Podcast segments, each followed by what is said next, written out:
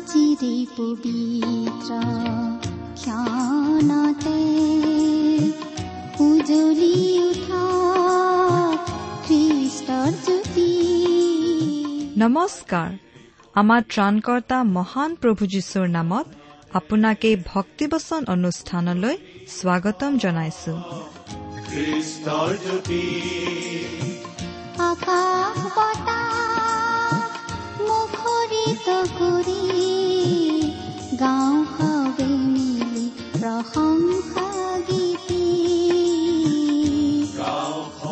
এয়া মুকলি কৰিছো। ঈশ্বৰৰ জীৱিত বাক্যৰ ধাৰাবাহিক অনুষ্ঠান ভক্তি বচন। আপোনাৰ জীৱনত যদি শান্তি পাব বিচাৰে তেন্তে এয়া ঈশ্বৰৰ বাক্যৰ সান্তনা বাক্য ভক্তি বচন। গতিকে আহক আজিৰ শিক্ষা শুনো।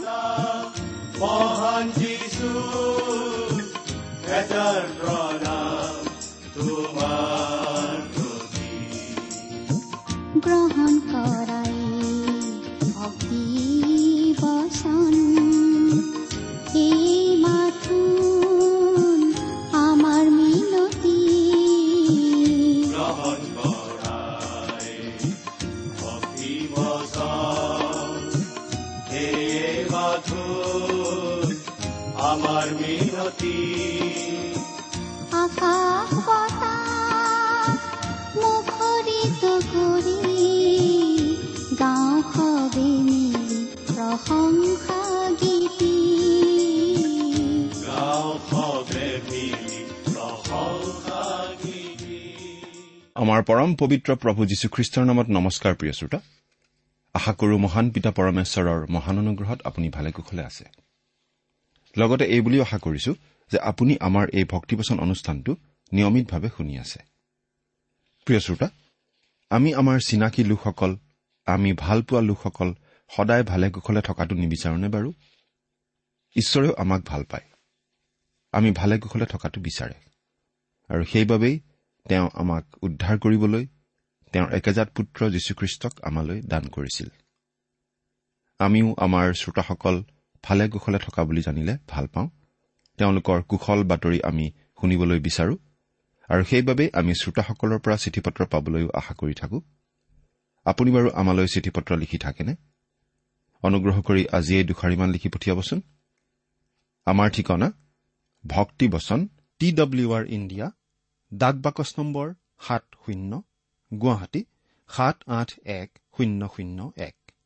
ভক্তিবচন T W R India postbox number seventy Guwahati seven eight one zero' zero' one আমাৰ website W W W dot radio' eight eight two dot com প্ৰিয় শ্ৰোতা আপুনি বাৰু আমাৰ এই ভক্তিবচন অনুষ্ঠানটো নিয়মিতভাৱে শুনি আছেনে? আপুনি যদিহে আমাৰ এই অনুষ্ঠানটো নিয়মিতভাৱে শুনি আছে তেনেহলে আপুনি নিশ্চয় জানে যে আমি এতিয়া বাইবেলৰ পুৰণি নিয়ম খণ্ডৰ নহুম ভাৱবাদীৰ পুস্তক নামৰ পুস্তকখন অধ্যয়ন কৰি আছো। নহয় জানো? আপুনি বাৰু যোৱা অনুষ্ঠানটো শুনিছিল নে যোৱা অনুষ্ঠানত আমি এই নহুম পুস্তকখনৰ এক নম্বৰ অধ্যায়ৰ ন নম্বৰ পদৰ পৰা পোন্ধৰ নম্বৰ পদলৈকে পঢ়ি আলোচনা আগবঢ়াইছিলো। নহয়নে বাৰু? গতিকে আজিৰ অনুষ্ঠানত আমি এই নহুম পুস্তকখনৰ দুই নম্বৰ অধ্যায়ৰ এক নম্বৰ পদৰ পৰাই আমাৰ আলোচনা আগবঢ়াই নিব খুজিছো। এই নহুম পুস্তকখন এখন ভাৱবাণীমূলক পুস্তক। তথাপি ইয়াৰ যোগেদি আমাৰো শিকিবলগীয়া অনেক কথা আছে। আহক আমি বাইবেল অধ্যয়নৰ পিনে আগবাঢ়ো। আপুনি আপোনাৰ বাইবেলখন মেলি লৈছেনে বাৰু? সদায় কৰি অহাৰ দৰে তাৰ আগতে খন্তেক প্ৰাৰ্থনাত মূৰ দুৱাওঁ হওক আমি প্ৰাৰ্থনা কৰো। স্বৰ্গত থকা অসীম দয়ালু পিতৃ ঈশ্বৰ তোমাৰ মহান নামৰ ধন্যবাদ কৰো। তুমি মহান তুমি কৰুণাময় তুমি অনুগ্ৰহৰ আকৰ। তোমাৰ অনুগ্ৰহতেই আজি আমি প্ৰভু যীশুত বিশ্বাস কৰি পৰিত্ৰাণ পাব পৰা হৈছো তোমাক পিতৃ বুলি মাতিব পৰা হৈছো। তুমি আমালৈ যিমান অনুগ্ৰহ দেখুৱাইছা তাৰ বাবে তোমাক ধন্যবাদ দি আমি শেষ কৰিব নোৱাৰো। এতিয়া প্ৰাৰ্থনা কৰিছো তোমাৰ মহান বাক্য বাইবেল শাস্ত্ৰৰ যোগেৰে তুমি আমাক কথা কোৱা। তোমাৰ মাত আমাক শুনিবলৈ দিয়া। আমাৰ শ্ৰোতাসকলৰ জীৱনত তোমাৰ অনুগ্ৰহৰ আশীৰ্বাদ উপচি পৰিবলৈ দিয়া। কিয়নো এই প্ৰাৰ্থনা আমাৰ মহান ত্ৰাণকৰ্তা মৃত্যুঞ্জয় প্ৰভু যীশুখ্ৰীষ্টৰ নামত আগবঢ়াইছো। আমেন।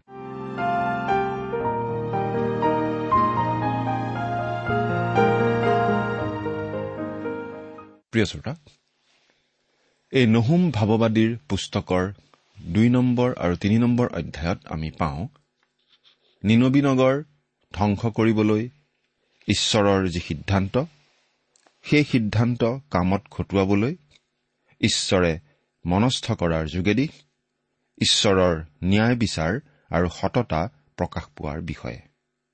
ঈশ্বৰে কেৱল নিনবী ধ্বংস কৰাৰ বিষয়েই কথা কোৱা নাছিল। ঈশ্বৰে সঁচাকৈয়ে সেই কাম কৰিছিল।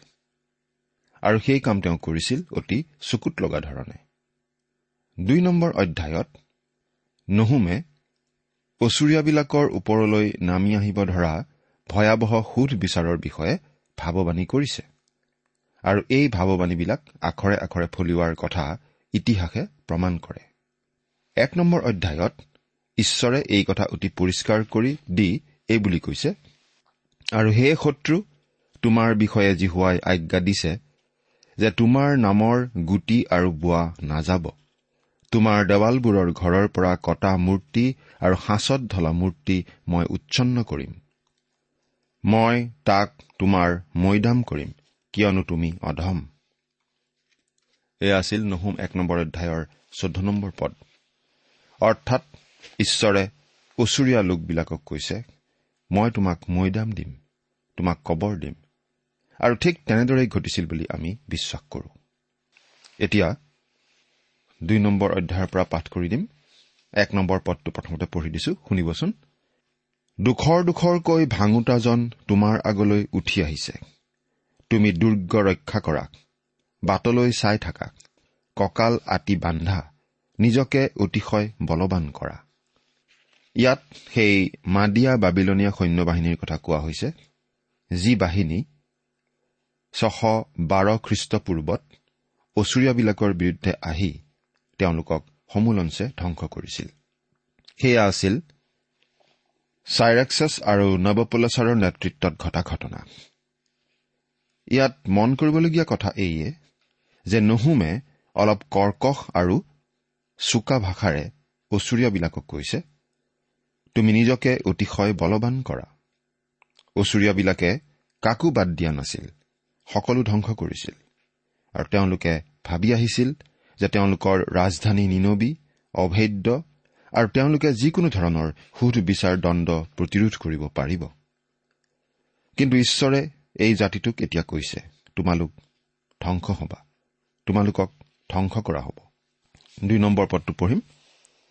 কিয়নো জিহুৱাই ইছৰাইলৰ শ্ৰীৰ নিচিনাকৈ জাকুবৰ শ্ৰী পুনৰাই স্থাপন কৰিব। কাৰণ খালী কৰোতাবোৰে তেওঁবিলাকক খালী কৰিলে আৰু তেওঁবিলাকৰ দ্ৰাক্ষালতাৰ ডালবোৰ নষ্ট কৰিলে। নহুমে কৈছে যে অচুৰীয়াৰ সোধ বিচাৰৰ সময় আহি উপস্থিত হ'ল কাৰণ ঈশ্বৰে তেওঁৰ নিজ লোকবিলাকৰ সুধবিচাৰ কৰা কামটো সম্পূৰ্ণ কৰিলে আৰু তেওঁলোকক পুনৰ সংস্থাপিত কৰিব বিচাৰে। জাকুব আৰু ইছৰাইল দুয়োটা নাম ইয়াত ব্যৱহাৰ কৰাৰ দ্বাৰা দক্ষিণৰ জিহুদা ৰাজ্য আৰু উত্তৰৰ ইছৰাইল ৰাজ্য দুয়োখন জিহুদী ৰাজ্যৰ কথাকেই বুজোৱা হৈছে। খালী কৰোতাবিলাকৰ অৰ্থ হৈছে ইছৰাইলৰ শত্ৰু বিশেষকৈ ওচৰীয়া জাতি। আৰু দ্ৰাক্ষালতাৰ ডালবোৰ মানে খুব সম্ভৱ ইছৰাইল জাতিকেই বুজোৱা হৈছে। গীতমালা আশী নম্বৰ গীতৰ আঠৰ পৰা ষোল্ল নম্বৰ পদ চাব পাৰে। গীতমালা আশী নম্বৰ গীতৰ আঠৰ পৰা ষোল্ল নম্বৰ পদ। এই অধ্যায়টো নহুমৰ বিশদ ভাৱবাণী। এইখিনি কিন্তু আজি আমাৰ কাৰণে সঠিক ইতিহাস। নহুমৰ প্ৰায় এশ বছৰ পাছত যি ঘটিছিল সেই ঘটনাবিলাকৰ ঐতিহাসিক বিৱৰণ। কিন্তু নহুমে আগতেই এই কথাবিলাক লিখি থৈছিল। অচুৰীয়া জাতিৰ ওপৰত ঈশ্বৰৰ সুধ বিচাৰৰ চৰম ৰূপটোৰ কথা চূড়ান্ত পৰ্যায়টোৰ কথা ইয়াত কোৱা হৈছে। ইয়াত এই কথাটো কোৱা হৈছে যে অচুৰীয়াবিলাকৰ আৰু কেতিয়াও অভ্যুত্থান নঘটিব। অচুৰীয়াবিলাকে কেতিয়াও আৰু মূৰ দাঙি উঠিব পৰা নাই আৰু কেতিয়াও নোৱাৰিব। ঈশ্বৰৰ বাক্যত লিখা আছে যে বাবিলন পুনৰ উত্থিত হ'ব আৰু আন কিছুমান জাতিৰো পুনৰুত্থান হ'ব। কিন্তু প্ৰাচীন বিশ্বৰ এটা শক্তিশালী জাতি ওচৰীয়াবিলাকৰ পুনৰুত্থান হলে কেতিয়াও নঘটিব। সেই কথাটো ঈশ্বৰে অতি পৰিষ্কাৰভাৱেই জনাই দিছে। ইয়াত আচলতে নিনবী নগৰখন অধিকাৰ কৰাৰ এটা মন কৰিবলগীয়া ধৰণৰ বৰ্ণনা দিয়া হৈছে। সেই ঘটনাটো কিমান ভয়ংকৰ আছিল এই দফাটোতে সেই কথা প্ৰকাশ পাই উঠিছে। আৰু এই অধ্যায়টোৰ ওপৰত আপুনি আচলতে এই বুলি লিখি ৰাখিব পাৰে মানুহে যি বয় তাকেহে দাব। ওচৰীয়াবিলাক অতি নিষ্ঠুৰ জাতি আছিল। পৃথিৱীত তেনেকুৱা নিষ্ঠুৰ জাতি কমেই আছিল বা আছে। উদাহৰণস্বৰূপে সেই ওচৰীয়াবিলাকে শত্ৰুবোৰক দিয়া বিভিন্ন শাস্তিৰ ভিতৰত এনেধৰণৰ শাস্তি এটাও আছিল। তেওঁলোকে মানুহজনক মৰুভূমিৰ বালিত থুতৰিলৈকে পুতি ৰাখে। তাৰ পাছত মানুহজনৰ জিভাৰ মাজেৰে শলা এডাল সুমুৱাই দি মানুহজনক সেই গা পুৰি নিয়া গৰম ৰ'দত ৰাখি থয়। মানুহজন প্ৰথমতে পাগল যেন হয় আৰু তাৰ পাছত মৃত্যু হয়। ওচৰীয়াবিলাকে এনেকুৱা বিভিন্ন কাম কৰিছিল। শুনা যায় যে যেতিয়া ওচৰীয়াবিলাকে যুদ্ধযাত্ৰা কৰি গৈছিল তেতিয়া বাটত যিমানবোৰ ঠাই পৰিছিল সেই ঠাই বা দেশৰ মানুহবোৰে সেই নিষ্ঠুৰ ওচৰীয়াবিলাকৰ হাতত পৰাতকৈ আত্মহত্যা কৰাই ভাল বুলি ভাবিছিল আৰু আত্মহত্যা কৰিছিল। গোটেই প্ৰাচীন বিশ্বত ওচৰীয়াবিলাকক আন জাতিবিলাকে ইমান ভয় কৰিছিল তেওঁলোকৰ বৰ্বৰতাৰ বাবে। আমি এই নহুম পুস্তকত এতিয়া পাইছো যে ওচৰীয়াবিলাকে আকৌ গতি কৰিছে কিন্তু এতিয়া তেওঁলোকে পশ্চাদগতি কৰিছে। এতিয়া তেওঁলোক আক্ৰমণকাৰী নহয় মাদিয়া আৰু বাবিলনীয়াবিলাকেহে তেওঁলোকক আক্ৰমণ কৰিছে। তিনি নম্বৰ পদ তেওঁৰ বীৰবিলাকৰ ঢাল বোলাই ৰঙা কৰা। পৰাক্ৰমীবিলাক সেন্দুৰ বৰণীয়া কাপোৰ পিন্ধা। তেওঁ সাজু হোৱা দিনা ৰথবোৰৰ তীখা জিলিকে আৰু বৰচাবোৰ বৰকৈ জোকাৰ খায়। তেওঁৰ বীৰবিলাকৰ ঢাল বোলাই ৰঙা কৰা। তাৰমানে তেওঁবিলাকৰ ঢালবিলাক তেজেৰে ৰঙা কৰাৰ কথা কোৱা হোৱা নাই।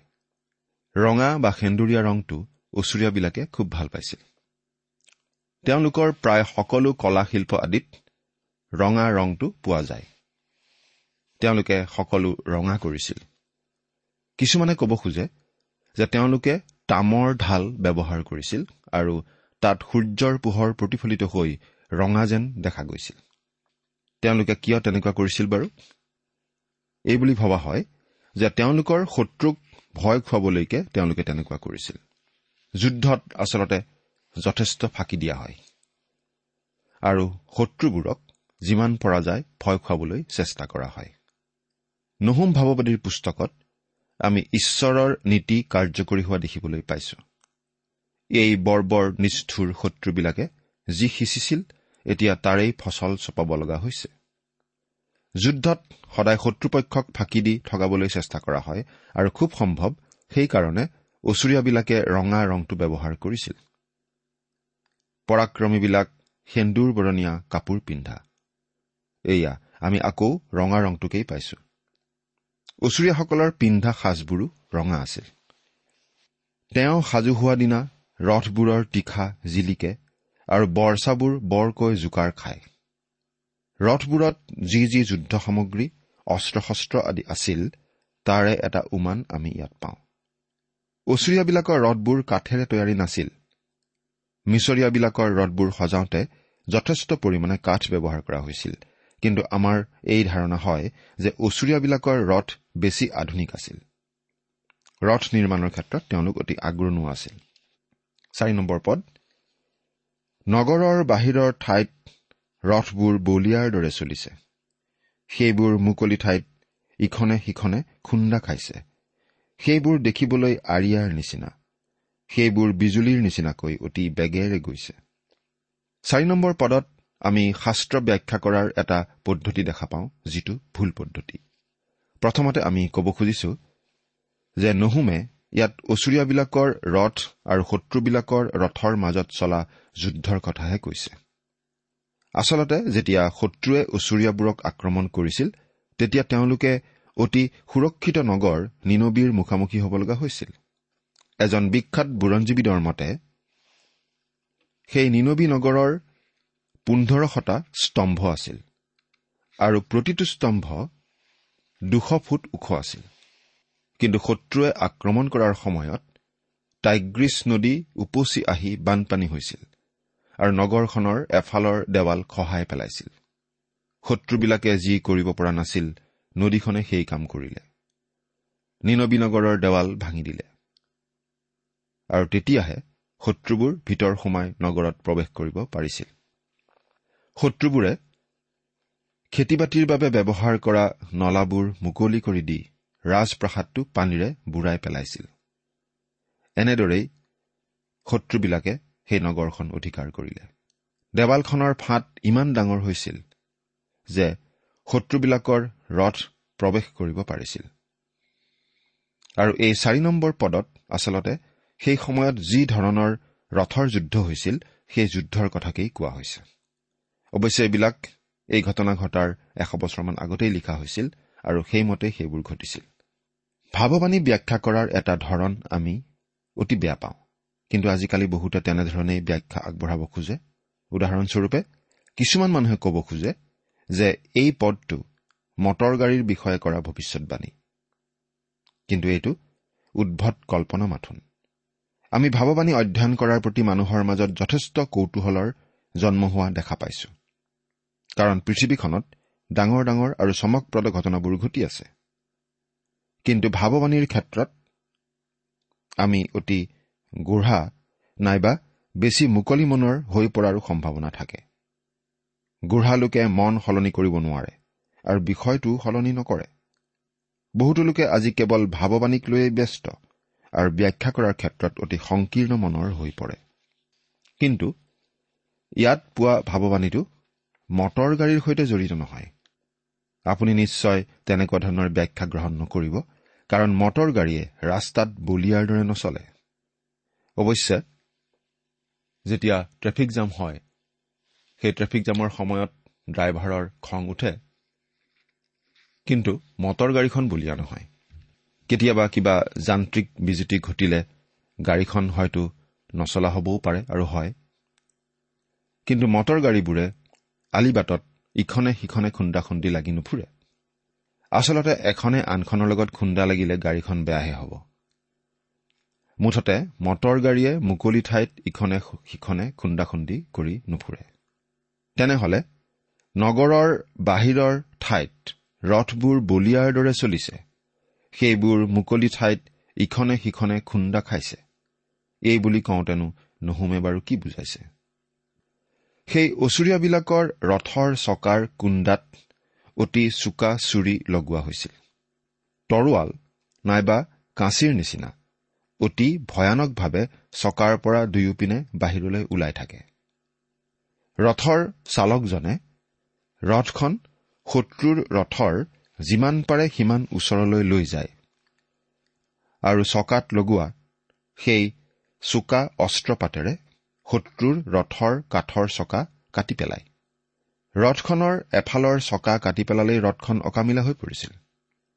ইয়াত ৰথবোৰ ইখনে সিখনে খুন্দা খাইছে বুলি কওঁতে আচলতে নুহুমে তাকেই বুজাইছে বুলি আমি অনুমান কৰিব পাৰোঁ। ইয়াত নিশ্চয় মটৰ গাড়ীৰ বিষয়ে ভৱিষ্যৎবাণী কৰা হোৱা নাই। সেইবোৰ দেখিবলৈ আৰিয়াৰ নিচিনা। সেইবোৰ বিজুলীৰ নিচিনাকৈ অতি বেগেৰে গৈছে। সেই সময়ত ৰথবোৰ অতি বেগেৰে চলিছিল। অৱশ্যে আজিৰ দিনৰ তুলনাত সেই গতি অতি কম যেন লাগিব।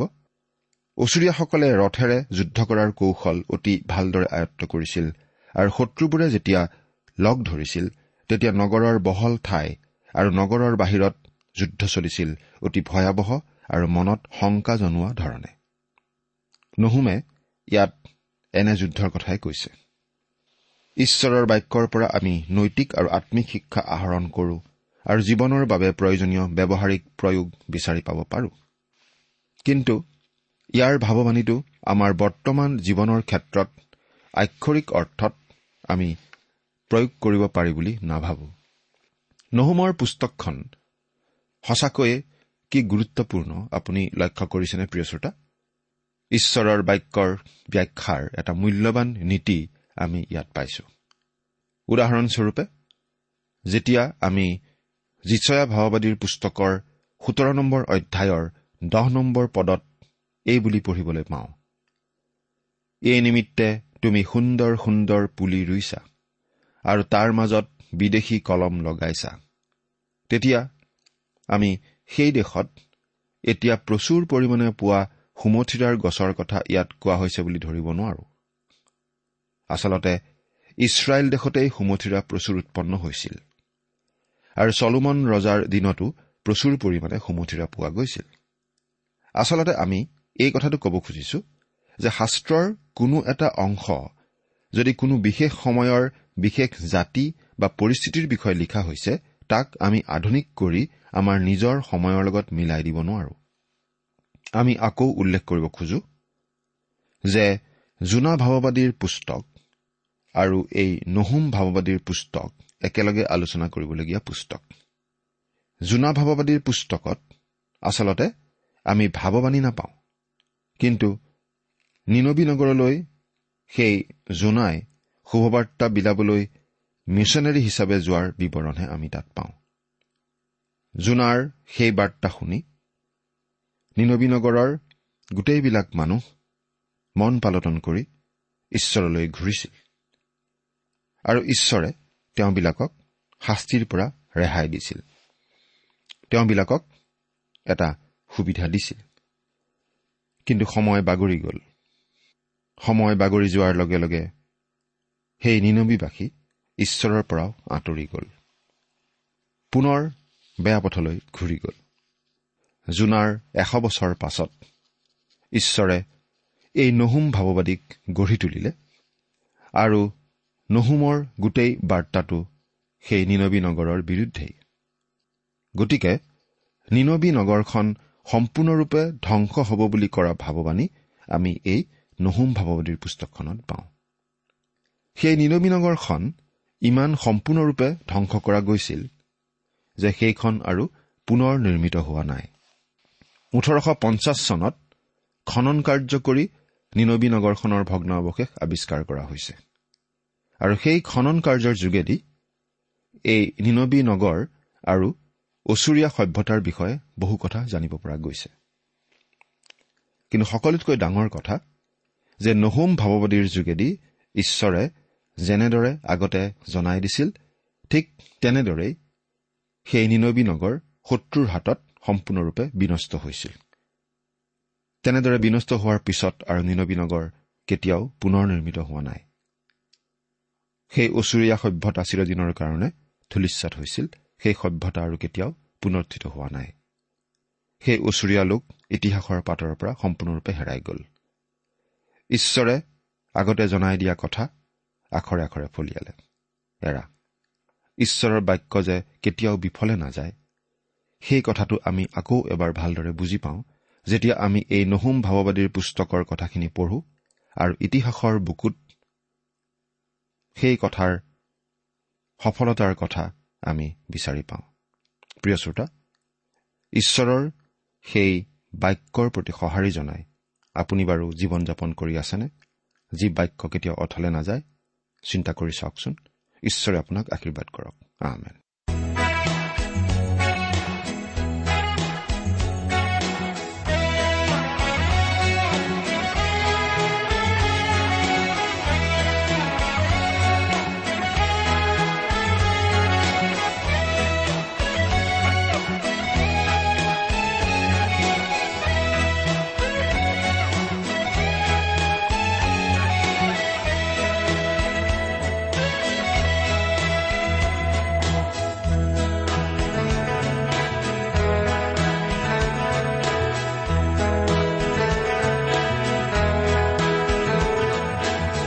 যিছু তোমাকে প্ৰাৰ্থিছো আজি কাতৰে মাতিছো আজি আমি প্ৰভু যিছু যিছু তোমাকে প্ৰাৰ্থিছো আজি কাতৰে মাতিছো আজি আমি প্ৰভু যিছু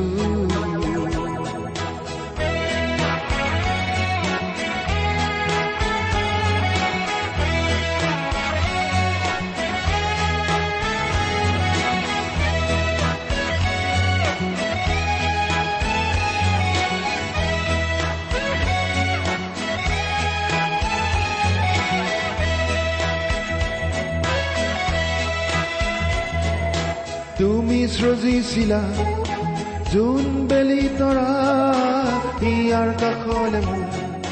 যিছু তুমি আহা তুমি সৃজিছিলা যোন বেলি তৰা ইয়াৰ কাষলে মোৰ। ইমান পৰে আপুনি ভক্তিবচন অনুষ্ঠানটি শুনিলে। এই বিষয়ে আপোনাৰ মতামত জানিবলৈ পালে আমি নথৈ আনন্দিত হ'ম। আমি প্ৰস্তুত কৰা বাইবেল অধ্যয়নৰ আন চিডিসমূহ পাব বিচাৰিলেও আমালৈ লিখক। অনুষ্ঠানটি শুনি কেনে পালে আমালৈ চিঠি লিখি জনাবচোন? অনুষ্ঠানত প্ৰচাৰ কৰা কোনো কথা বুজিব লগা থাকিলেও আমালৈ লিখক। আমাৰ ঠিকনা?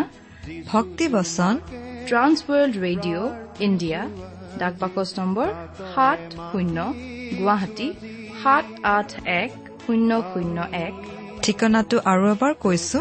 ভক্তিবচন ট্ৰান্স ৱৰ্ল্ড ৰেডিঅ' ইণ্ডিয়া ডাক বাকচ নম্বৰ সাত শূন্য গুৱাহাটী সাত আঠ এক শূন্য শূন্য এক। আমাৰ ইমেইল এড্ৰেছটো হৈছে S M is T T B at the rate radio' eight eight two dot com. আমাৰ website W W W dot T W R dot in. আপুনি টেলিফোনৰ মাধ্যমেৰেও আমাক যোগাযোগ কৰিব পাৰে। আমাৰ টেলিফোন নম্বৰটো হৈছে শূন্য তিনি ছয় এক দুই ছয় শূন্য চাৰি ছয় সাত এক। ফোন নম্বৰটো আকৌ এবাৰ কৈছো zero' three six one two six zero' four six seven one. আজিৰ অনুষ্ঠানটি ইমানতে সামৰিছো। ঈশ্বৰৰ শান্তি আৰু অনুগ্ৰহ আপোনাৰ লগত থাকক।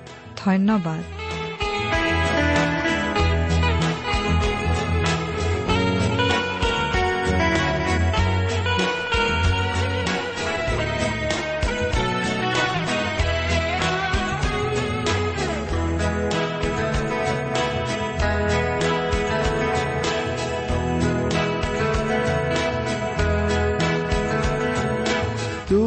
প্ৰেমৰ কথা।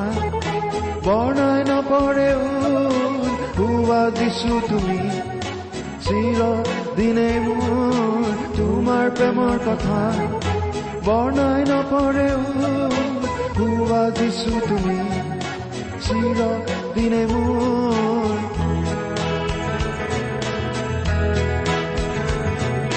যিছু তোমাকে প্ৰাৰ্থিছো আজি। কাতৰে মাতিছো আজি আমি প্ৰভু যিছু যিছু তোমাকে প্ৰাৰ্থিছো আজি কাতৰে মাতিছো আজি আমি প্ৰভু যিছু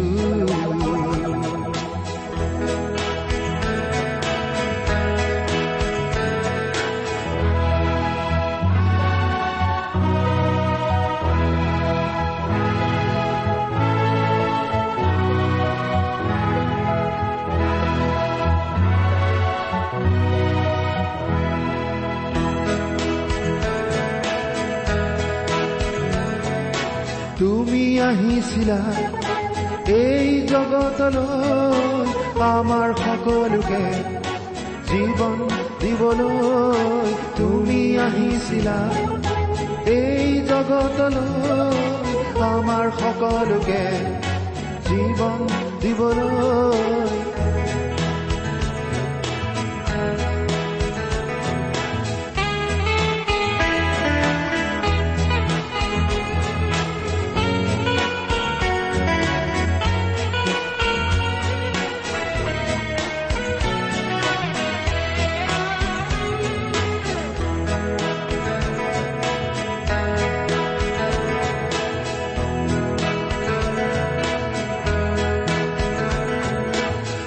তোমাৰ প্ৰেমৰ কথা।